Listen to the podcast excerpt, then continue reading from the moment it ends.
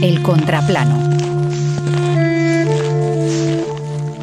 18 de diciembre, Día Internacional del Migrante. Tapachula, Chiapas. Esos son los pasos de hombres, mujeres, niños y niñas de diferentes nacionalidades que tras atravesar el río Suchiate y entrar en tierras mexicanas, continúan su camino. Una de las muchas caravanas de migrantes que entre las lágrimas que provocan el polvo de lo dejado atrás, los calambres de un futuro incierto y el hambre por llegar a ser, y no solo vagar, avanza en dirección norte.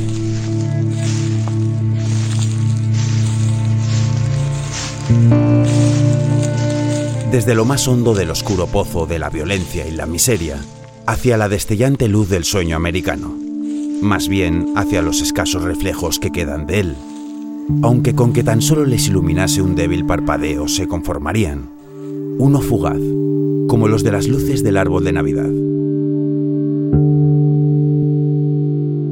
Sin embargo, todo se desvanece en una milésima de segundo, lo que tarda en hacer acto de presencia la policía mexicana. Los hombres huyen a la carrera, 35 personas detenidas, la mayoría mujeres con sus hijos e hijas. Feliz Día del Migrante. Al parecer, con tener un día de ya es suficiente. Homenajes, titulares, conciertos benéficos y vuelta al pozo.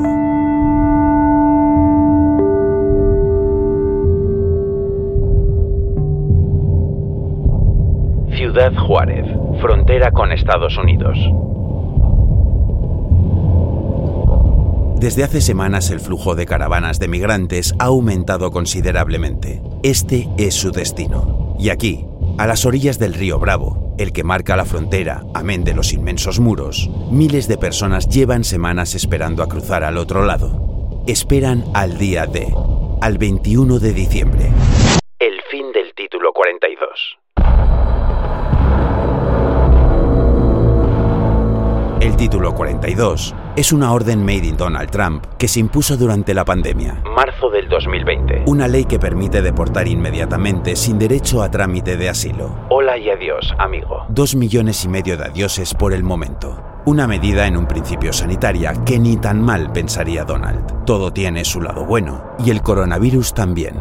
El caso es que Joe Biden la ha mantenido. Habrá cosas más importantes de las que ocuparse pero su clamorosa desidia y las presiones de las agencias de derechos humanos hicieron que se marcase un día D para acabar con el título 42.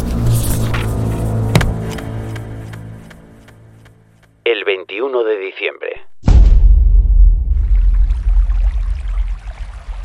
Sin embargo, mientras los migrantes esperaban a ese día agolpados a las orillas del río Bravo, los berridos de auxilio por emergencia migratoria del gobernador de Texas, Greg Abbott, o los de Dauch Ducey, gobernador de Arizona, el cual ha colocado hileras de contenedores de mercancías recubiertos de alambre de espino para reforzar la frontera, han provocado que a dos días de la caída del título 42, la Corte Suprema de los Estados Unidos haya suspendido su vencimiento. ¿Hasta cuándo? Eso es justo lo que se preguntan los miles de migrantes agolpados al otro lado de la frontera. En algunos puntos la gente vuelve a casa por Navidad y en otros, quién sabe a dónde irán. Por eso, en medio de la desolación, la frustración, el frío y el hambre, se hace más palpable aquello que escribió el poeta venezolano Aníbal Nazoa. Entre tu pueblo y mi pueblo hay un punto y una raya. La raya dice no hay paso, el punto vía cerrada. Y así, entre todos los pueblos, raya y punto, punto y raya. Con tantas rayas y puntos, el mapa es un telegrama. Caminando por el mundo se ven ríos y montañas, se ven selvas y desiertos, pero ni puntos ni rayas.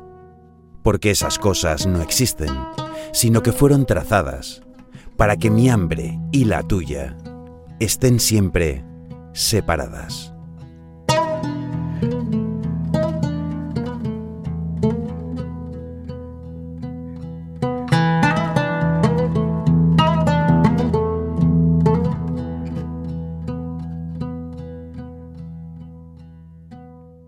El contraplano.